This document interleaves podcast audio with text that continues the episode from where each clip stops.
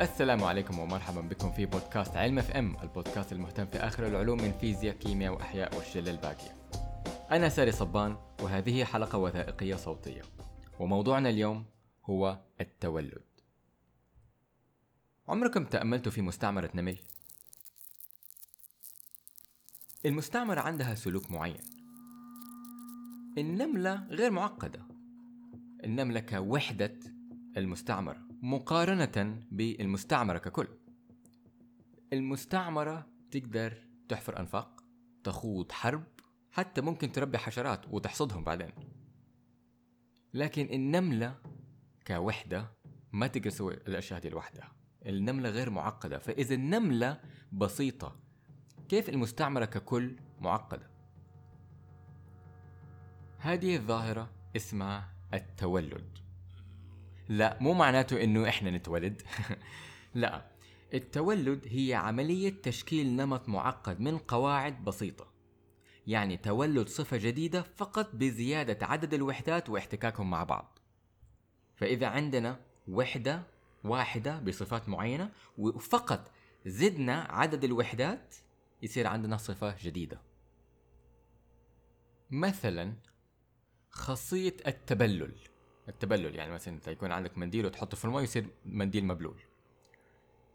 التبلل خاصية مجموعة من الجزيئات. يعني إذا إحنا عندنا واحدة جزيئة ما تقدر تعطينا خاصية التبلل. فقط لما يكون عندنا مجموعة من الجزيئات وهذه الجزيئات كلها ترتبط جوا مادة معينة وقتها تعطينا خاصية التبلل إنه الموية دخلت أو السائل دخل في هذه المادة فخلاها متبللة. فإذا إحنا فقط عندنا جزيئة ماء واحدة هذه الجزيئة ما تقدر تعطينا خاصية التبلل فقط لما تكون مع مجموعة من جزيئات الماء الأخرى. هذا معناته إنه الكثير مختلف عن القليل. وممكن نرص هذا المنطق يعني ممكن نزيد هذا المنطق على طبقات نرصه على طبقات. كل طبقة تصير أعقد من اللي قبلها. يعني مثلا إذا إحنا عندنا ذرة وجمعنا الذرات مع بعض حيصير عندنا جزيئات. وإذا جمعنا الجزيئات مع بعض حيصير عندنا عضية. اذا إحنا بنتكلم من منطق حيوي عضية يعني اللي هي أصغر من الخليه العضيات حقت الخلية. فإذا وإذا أخذنا عضيات مع بعض حيصير عندنا خلية. وإذا خلايا مع بعض نسيج وأنسجة مع بعض كائن حي وهكذا.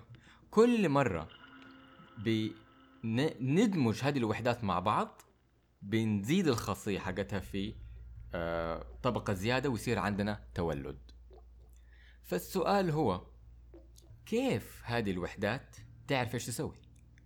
كيف يقدروا يجتمعوا مع بعض ويكونوا خاصية معقدة كبرى خاصية عظمى معقدة. بما إنه هذه الجزيئات أو, أو هذه الوحدات ما عندها عقل ما عندها مخ تفكر ما عندها قابلية اتخاذ قرارات. يعني إذا إحنا بنتكلم على ذرات الذرات ما تقدر ما تقدر تتخذ قرارات. إذا تكلمنا على نملة طيب النملة ممكن تتخذ قرارات بس يعني ما هي معقدة؟ ما هي ما عندها عقل تفكر فيه الاتخاذ اتخاذ القرارات حقتها بسيطة. فكيف ممكن النمل يخوض حرب باستراتيجية كون إنه الوحدات اللي هو مكون منها ما عندها قابلية التفكير بهذه الطريقة المعقدة. فممكن أحد يقول طب النمل عنده ملكة. الملكة تعطي الأوامر بس في الواقع لا. الملكة عند النمل ما تعطي أوامر للمستعمرة. الملكة عادة بتكون موجودة عشان التكاثر فهي بتكون الملكة اللي ماسكة مهمة التكاثر وباقي المستعمرة بتدعم النجاح حق المستعمرة وإبقاء المستعمرة على قيد الحياة.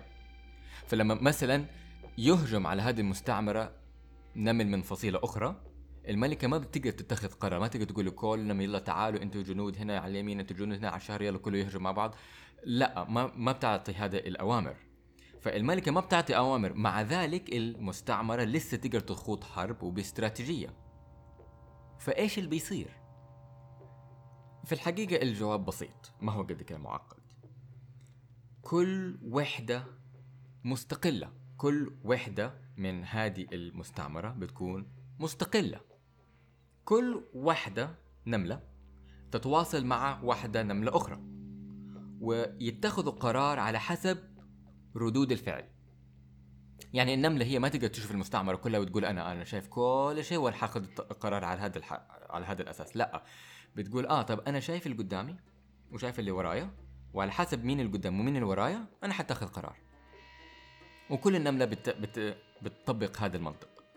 فبالتالي يصير كأنهم كائن فائق. كأنهم كلهم كائن واحد بصفات معقدة. أعقد من أي واحد فيهم. خلونا ناخذ مثال آخر. عندنا في المستعمرة أربع أنواع من المهن. عندنا عاملون جامعون راعون وجنود. وكل واحد منهم فيه 25% من المستعمرة. هذه يعني بطريقة كده مثلا مرة بسيطة. ففي 25 عاملون 25 جامعون 25 راعون و25% جنود. فضروري إنه كل المهن هذه تكون بالنسب المعينة هذه عشان يكون في نسبة كفاية من كل من المهن عشان المستعمرة تقدر تؤدي الوظيفة حقتها وتبقى على قيد الحياة وبصحة لكن تذكروا إنه كل نملة مستقلة ما بتأخذ أمر من أحد تاني ما في أحد فوقها بيقول لها اعملي كده لا تسوي كده أنت إذا سويتي كده سوي كده لا النمل ما. ما عنده أحد بيأخذ منه أوامر هو النملة فقط بتشوف مين اللي قدامها تشوف مين اللي وراها وعلى حسب الاحتكاكها على حسب احتكاكها مع النملات الأخرى بتتخذ قرار. فلنقل يوم من الأيام هذه المستعمرة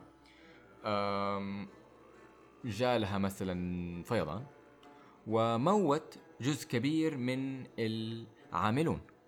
تمام؟ يعني ما صار دحين عندنا كمية كبيرة من العاملون صار عندنا نفس كمية الجامعون 25% 25% 25% راعون 25% جنود. لكن العاملون لسبب ما يمكن هم كانوا أقرب للفيضان هم اللي اتمسحوا. هم راحوا يعني كانوا ماتوا وما صاروا جزء من المستعمرة. فعشان المستعمرة تبقى على قيد الحياة ضروري إنه أحد منهم يتحول يحول المهنة حقته إلى عاملون عشان يرجعوا النسبة يرجعوا النسبة إلى 25% عاملون عشان تصير المهن كلها متساوية وفي كل المهن متوفرة لصالح المستعمرة. فذكروا إنه ما في أحد فوق بيشرف ويقول أوه نقص العاملون. طب أنت وأنت وأنت وأنت وأنت أنتوا تحولوا تصيروا عاملون عشان تؤدي الوظيفة الناقصة. لا ما في أحد بيرأسهم. فكيف النمل كمستعمر؟ كيف يعرف انه هو نقص منه عاملون. إذا ما في أحد من فوق بيقول لهم انه ترى أنتوا إذا أنتم ما أنتم شايفين عاملون كثير لأنه أصلا في منكم نقص. اللي بيصير إنه واحدة من النملات إحنا لا تنسوا إنه كل النمل بيسوي هذا الموضوع بس خلينا نركز على واحدة. واحدة نملة تيجي تقول أوه أنا شفت جامعون أنا راعية وفي هناك أحد جندي فأنا شفت جامع أنا عديت جامعون راعون جنود. جامعون راعون جنود. جامعون راعون جنود. بس أنا ما عديت عاملون فخليني أنا أصير عاملة. أنا دوبي ملاحظ إن أنا قاعد ملخبط تماما القواعد في العربي وملخبط بين الذكر والمؤنث بس ما علينا. الفكرة النهائية إنه ال... النملة قدرت تتخذ قرار على حسب احتكاكها مع النملات الأخرى. لما لقت إنه هي ما شافت عاملات عاملات هي عاملات فقررت إنها هي تصير عاملة. فإذا إحنا شفنا هذا النطاق بطريقة أوسع إذا شفنا إحنا المستعمرة ككل حنلاقي إنه المستعمرة بدأت ب 25% عاملون 25% جامعون 25% راعون 25% جنود. بعدين جزء كده ربع المستعمرة مات بفيضان فصار في فقط جامعون راعون وجنود. بعدين فجأة كده شوية شوية شوية تحولوا وجزء من الجامعون والراعون والجنود اتحول إلى عاملون ورجعوا ال 25% فرجع التوازن مرة أخرى. فمن ناحيتنا إحنا من فوق كده بنشوف المستعمرة ككل المستعمرة كلها كوحدة واحدة ككائن حي فائق نوعا ما قدرت تعدل نفسها. بس لما نيجي نكبر الصورة ونشوف النملة الواحدة إيش سوت هي فقط اتخذت قرار على حسب احتكاكها مع النملات الأخرى.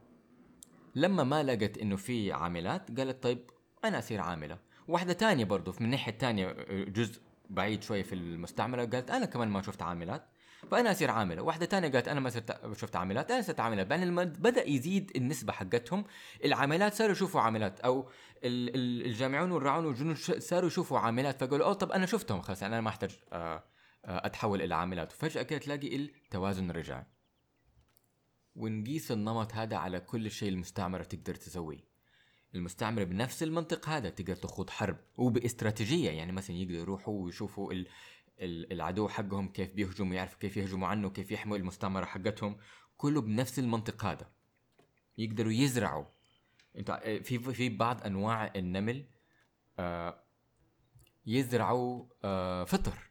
هذا النوع من النمل اسمه آتا فابريكوس. فبيروح عند نوع من أنواع الفطر ويجيبوا له أكل وياكلوه وينموه ويكبروه لما يوصل لحجم معين يحصدوه وياكلوه في نوع من النم... في نوع ثاني من النمل يربي قمل قمل آه اسمه لازيوس فلافس فياخذ القمل ويربيه وبعد ما يوصل لحجم معين يبدأ يأكله ويحصد يعني يبدأ آه آه يستفيد منه. وفيك حتى مستعمرات من النمل تقدر حتى تحل الغاز. فالتولد خاصية موجودة حوالينا كلنا. ومو بس في النمل لأنه أنا بتكلم عن النمل معظم الحلقة لحد الحين لأ. ومو بس في الأحياء ممكن نشوفها في خو في آه، مجالات أخرى غير الأحياء. يعني مثلا إيش هي الكائنات الحية؟ الكائنات الحية هي عبارة عن خاصية تولد من الكيمياء. لأنه في الواقع الخلية هي فقط مجموعة من التفاعلات الكيميائية. فلما إحنا نمسك تفاعلات كيميائية كتير كتير كتير ونحط ونضيفها على مراحل على طبقات فجأة يصير عندنا كائن حي. كائن حي اللي هو فعليا في الواقع مكون فقط من تفاعلات كيميائية مشتبكة مع بعض كلهم بيحتكوا مع بعض. وما حنروح بعيد ممكن نشوف المخ حقنا. يعني إحنا المخ حقنا يقدر يفكر يقدر عنده عقل عنده منطق آه، طريقة يفكر فيها يحل الغاز يفكر بمنطق يحفظ يشوف يسمع يتكلم. بس هو في الواقع مكون من إيش المخ حقنا؟ المخ حقنا مكون من وحدات خلايا عصبية. لو إحنا مسكنا واحدة خلية عصبية ما نقدر نسوي منها ولا شيء. مقارنة بإيش المخ ككل يقدر يسوي.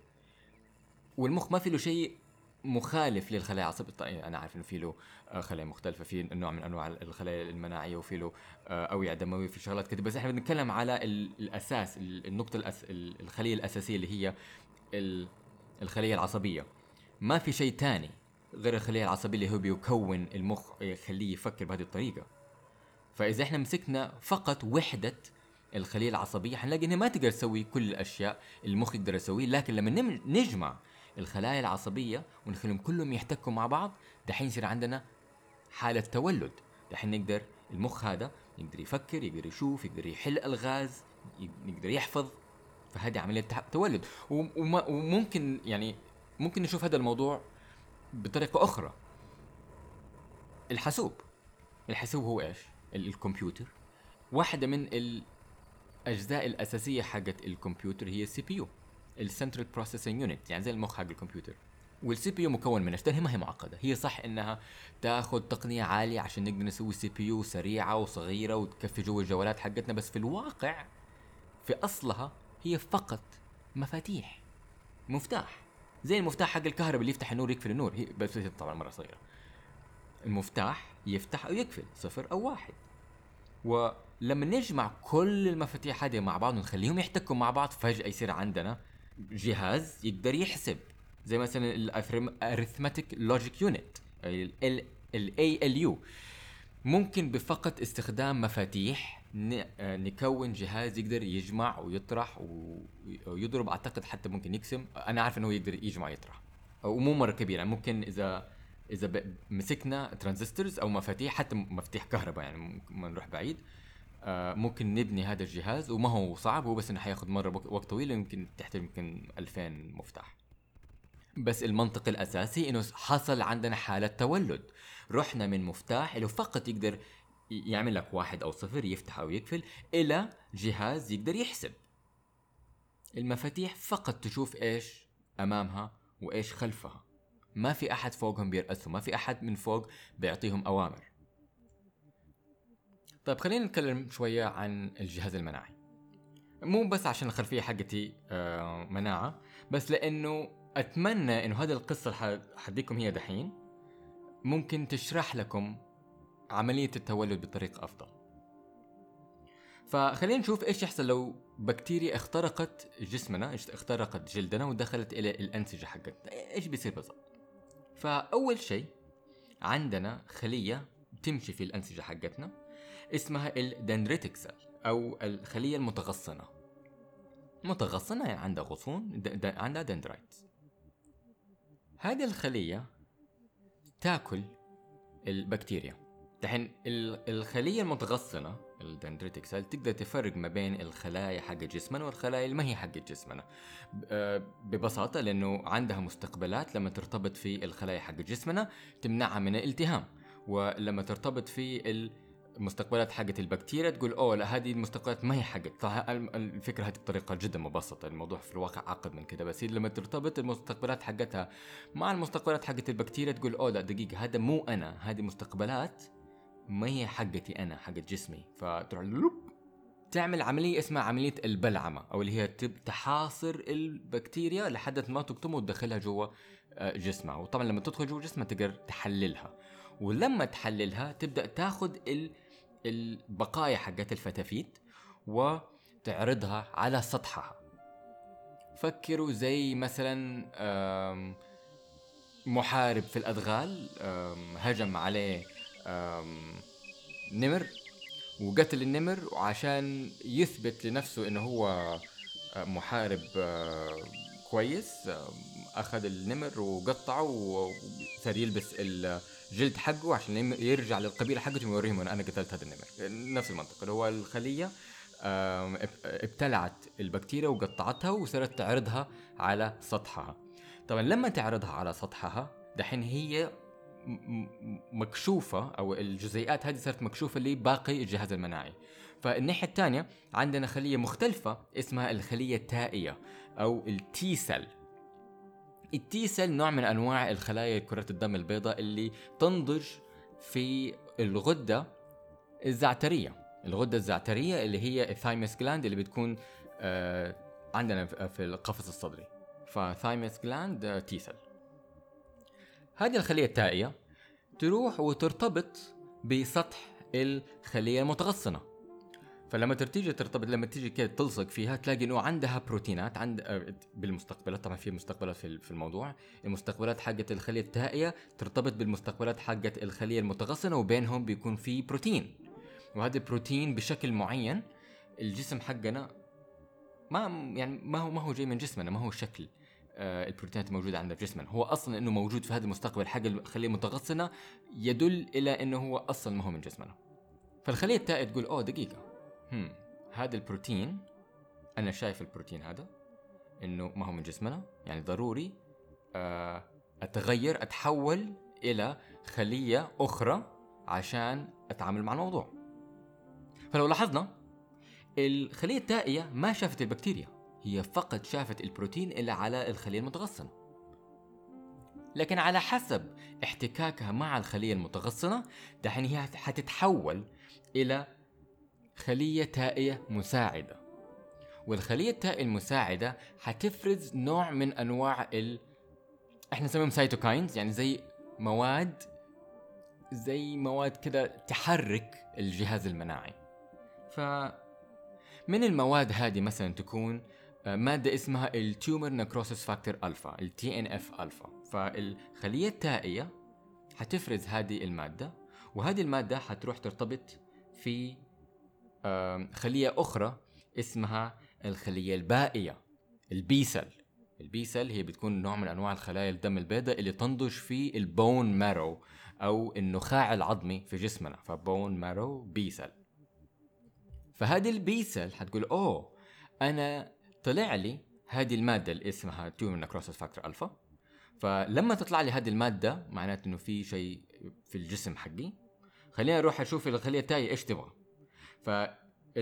فال B cell هو في الواقع هو في الواقع ال B cell ما حتروح تحتك مع الخلية التائية. اللي حيصير إنه الخ- ال B cell حتروح تكتشف البروتين نفسه الموجود في ال- البكتيريا.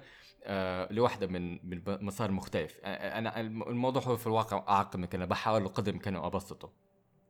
بس ال tumor necrosis factor alpha لما يجي لما ال- الخلي- الخلية البائية ترتبط مع ال tumor necrosis factor alpha حتقول آه. هذا معناته إنه الخلية التائيه بتقول لي اصنع هذا النوع من المضادات الجسدية ضد هذا البروتين، البروتين اللي أنا اكتشفته اللي هو أصلا موجود في جسمنا لأنه البكتيريا موجودة في كل مكان في النسيج هذا. أنا حكون مضادات جسدية بس ما أعرف أي نوع من الخمسة أنواع المضادات الجسدية اللي آه، أحتاج آه، أصنعها. فالخلية التائيه بعثت لي انه ال tumor necrosis factor alpha معناتها هي تبغاني أطلع لها IgG immunoglobulin gamma أو مضاد جسدي جاما فلو لاحظنا كل خلية بتؤدي وظيفة على حسب إيش هي شايفة وهي حتعطي المعلومة اللي شافتها لمين. يعني الخلية المتغصنة شافت البكتيريا وأعطت المعلومة للخلية التائية. الخلية التائية شافت الخلية المتغصنة وتكلمت مع الخلية البائية. الخلية البائية شافت الخلية التائية وعلى حسب إيش هي. شافت معها قالت آه طب أنا حرسل مضادات جسدية آه، جي آي جي جي. ودحين بعد هذه العملية كلها فجأة لقينا إنه الجهاز المناعي حقنا إيش فعليا سوى؟ اكتشف بكتيريا في جسمنا اتغير كجهاز مناعي كوحدة واحدة إنه هو واحد جهاز مناعي مكون من خلايا مختلفة هو كجهاز مناعي واحد اكتشف إنه في خلية إنه في آه، خلية بكتيرية في جسمنا يعني آه، في خلية مخالفة للجسم حقنا ما هي من جسمنا إحنا. فاتغير واتخذ قرارات بحيث إنه ينتج مضادات جسدية مضادة لهذه البكتيريا عرف الجهاز المناعي عرف البكتيريا هذه مكون من إيش عرف البروتينات حقتها إيش شكلها عرف إنه يطلع مضاد جسدي ضد هذا النوع من البروتينات ودحين لما يطلع هذه البروتينات المضادات الجسدية ضد هذا النوع من البروتين حيرتبط في البكتيريا ويموتها في الواقع ما. المضادات الجسدية ما هي سم ضد البكتيريا فالمضاد الجسدي هو بنفسه ما يموت البكتيريا بس هو زي علامة. لما المضاد الجسدي يرتبط في البكتيريا فهو هو علامة بيقول لي آه، آه، خلايا أخرى تعالي. خلية زي مثلا ال macrophage. ال macrophage أو آه، خلية البلعم الكبير. من اسمها بلعم إنها تؤدي عملية البلعمه يعني إنها تروح تلتهم خلايا أخرى. فهذه الفكرة حقتها إنه هذه الخلية ما تقدر تشوف أي شيء ما تقدر تشوف غير فقط العلامات اللي الجهاز المناعي يعطيها هي. ف الجهاز المناعي يروح يحط علامات على كل الأماكن اللي هي تبغى هذه الخلية تروح هناك وتأكل اللي عليه العلامة مهما كان من جسمنا ولا كان من جسم آخر هي ما تعرف الفرق. نوعا ما. طبعا الموضوع هو اعقد من كده بس أنا بحاول أبسطه. فتروح دحين هذه الخلية عند البكتيريا وتروح تب تب تب تب تب تاكلهم كلهم. كلهم عليهم علامات فتروح تاكلهم كلهم لحد ما النسيج كله ينضف من البكتيريا وما يصير في خلايا عليه العلامات اللي هي المضادات الجسدية. دحين في نفس الوقت الخلايا التائية والخلايا البائية ما ينت يعني بعد ما يحصل العدوى من البكتيريا هذه وجسمنا ينض... يهاجم البكتيريا وينظف جسمنا يعقم جسمنا من هذه البكتيريا وخلاص يرجع جسمنا زي ما كان الخلايا هذه يعني ما حتنسى الموضوع. يعني في شيء أذاها فحتتعلم. فإيش اللي حيصير؟ اللي حيصير إنه جزء من الخلايا التائية حيتعلم إيش اللي صار. حيقول أوه لما أنا أشوف هذا النوع من البروتين مو ضروري أبدأ أخترع لي شغلة من جديدة. لا خلاص أنا عارف البروتوكول. دحين حعمل كذا حعمل كذا حعمل كذا حكلم هذا حكلم هذا حكلم هذا. فالجزء من الخلايا التائية حيتحول يصير خلايا تائية ذاكرة أو memory T cells بيصير بصفة مرة بسيطة بصفة مرة سطحية إنها بتتعلم زي البروتوكول اللي هو تقول آه لما أنا أشوف هذا النوع من البروتين بهذا الشكل يعني هو طبعا من هذه البكتيريا بس أنا ما أشوف البكتيريا بس أشوف السطح حق الخلية المتغصنة لما أشوف هذا النوع من البروتين يصير خلاص أنا عارف أنا حكلم هذه البكتيريا هذه الخلية البائية وحأفرز هذا النوع من ال cytokines هذه المواد الكيميائية وحعمل هذا كله وما أحتاج أتعلم البروتوكول من جديد. أنا عارفه خلاص. فبدل ما أقعد أسبوع على لحد ما أكتشف وأجمع هذه الخلايا البائية وأكلمها مع هذه ال cytokines وأقول لها طلع هذا النوع من المضاد الجسدي لا خلاص أقدر اسويه في ساعتها. وكده إحنا يصير عندنا مناعة.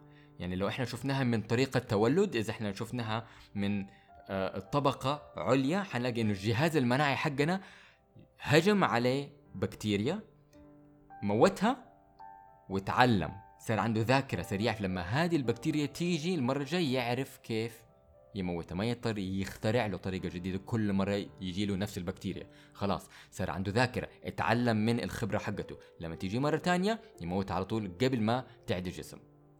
هذا الموضوع طبعا يطبق على الفيروسات كمان. يطبق على أشياء كثير بس الفيروسات إحنا ممكن يكون عندنا خبرة فيها أكثر لأنه عادة لما بيكون عندنا مرض بكتيري بناخذ مضادات جسدية وهذا الموضوع نوعا ما يساعدنا على التص... إن نسيطر على البكتيريا بسرعة. أسف قصدي مضادات حيوية. لكن جزء كبير من الأمراض اللي بتعدينا آه، الفيروسية ما بيكون لها علاج. مثلا البرد. لما يجينا مثلا برد تلاقي إنه جاك كده آه، كحة بلغم في الصدر سعال يعني أعراض أعراض البرد. بس عشان جالك هذا البرد من نوعية فيروس جسمك يشوف لأول مرة فبالتالي ياخذ أسبوع عقبال ما يكون المناعة حقته عشان يتخلص يخلص جسمك منه. ففي خلال هذا الأسبوع اللي هو أنت حاسس بالمرض هذا جسمك أنت بيتعلم كيف يحارب المرض. الالتهابات اللي بتحصل في الحلق وفي الصدر وفي في المناخير آه هي الجهاز المناعي حقنا بيتعلم كيف يحارب هذا النوع من الفيروس. على حسب الشكل حق البروتينات حقته. فلما يجينا مرة ثانية ما تحس أصلا إنه في أي أعراض لأنه جسمك على طول في ساعتها يتخلص منه قبل ما يعطي فرصة للفيروس إنه يتكاثر جوا الجسم. هذا النوع من المناعة اسمه المناعة المتكيفة اللي هي مختلفة شوية عن المناعة الفطرية. المناعة الفطرية جهاز هو هو جزء من الجهاز المناعي بس نوعا ما زي ركن كده مختلف شوية بدائي أكثر ما يتعلم. آه، المناعة الفطرية هي نوع هي هي, هي زي مجموعة من الجزيئات في الدم حقنا عادة تكون في الدم. ولما تحتك أو ترتبط بأنواع معينة من البروتينات اللي هي ما هي طبعا البروتينات حقتنا؟ البروتينات حقت البكتيريا. على طول تتفاعل مع بعض وتموت البكتيريا. آه، بس عشانها ما تتعلم من الخبرة حقتها فاسمها مناعة فطرية اللي إحنا مولودين فيها. ما ما نحتاج نبني خبرة هي خلاص هي دائما نفس الشيء دائما نفس الشيء. أنا أنا أنا بعدت شوي عن الموضوع. الاساسي اللي هو التولد الفكرة الأساسية هو إنه لما بيكون عندنا وحدات بسيطة هذه الوحدات تحتك مع بعض ممكن تكون صفة عظمى صفة أكبر. زي ما إحنا شفنا الخلايا آه، خلايا الدم آه، خلايا كرات الدم البيضاء مع بعض كيف يكونوا الجهاز المناعي. زي ما شفنا كيف المفاتيح لما نحطهم مع بعض ممكن يسوي لنا كمبيوتر أو الخلايا العصبية كيف لما ندمجها مع بعض مو ندمجها يعني نجمعهم مع بعض ونخليهم يحتكوا مع بعض يسوي لنا مخ. ممكن يفكر يصير عقل عنده آه، قابلية التفكير بالمنطق يقدر يحسب يقدر آه، يحفظ ويتذكر. آه، زي ما شفنا المستعمرة حقت النمل. النمل النملة نفسها هي نملة يعني الوحده هذه غبية ما تقدر تسوي لها شيء. هي عبارة عن نملة القدرات حقتها محدودة لكن لما تحتك مع لما لما نجمع نمل كثير مع بعض ونخلي كله يحتك مع بعض يصير عندنا خاصية تولد. فإحنا مكونين من خلايا. العقل حقنا المخ حقنا مكون من خلايا عصبية. كلهم مع بعض يصير عندنا طبقة من التولد يعطينا العقل حقنا. إحنا دحين جسم. هذا الجسم لما نمسك أجسام مختلفة وندمجها مع بعض يصير مثلا عندنا لنقل شركة. والشركة هذه تلاقيها ممكن تكبر هذه الشركة. على حسب ال الوحدات حق البشر اللي جواها إيش بيسووا؟ كيف يحتكوا مع بعض؟ إيش القرارات اللي هم ياخذوا كل واحد فيهم إيش القرار يتخذه؟ ومجموع القرارات يخلي الشركة هذه مثلا تكبر وتصير مرة ربحية أو تضمر وتصير مثلا عندها خسارة آه، كبيرة أو مثلا تدخل مع في آه، حرب مع آه، أو منافسة مع شركة أخرى واحدة منهم تفوز وياخذ استراتيجيات. الشركة نفسها مكون من أعضاء معينين وكل واحد فيهم بيتخذ قرارات مختلفة يخلي الشركة كلها كأنها واحد كائن فائق. ونمسك الموضوع هذا اللي مثلا عندنا مجتمع عندنا دولة لحد ما يصير عند البشرية كلها. والبشرية كلها ممكن نشوفها كائنة كأنها هي واحد كائن معين يتخذ قرارات ينمو ويضمر ويتحرك ويتكيف. في النهاية التولد خاصية أساسية من أجمل الخصائص في طبيعتنا. ممكن حتى نقول الأجمل.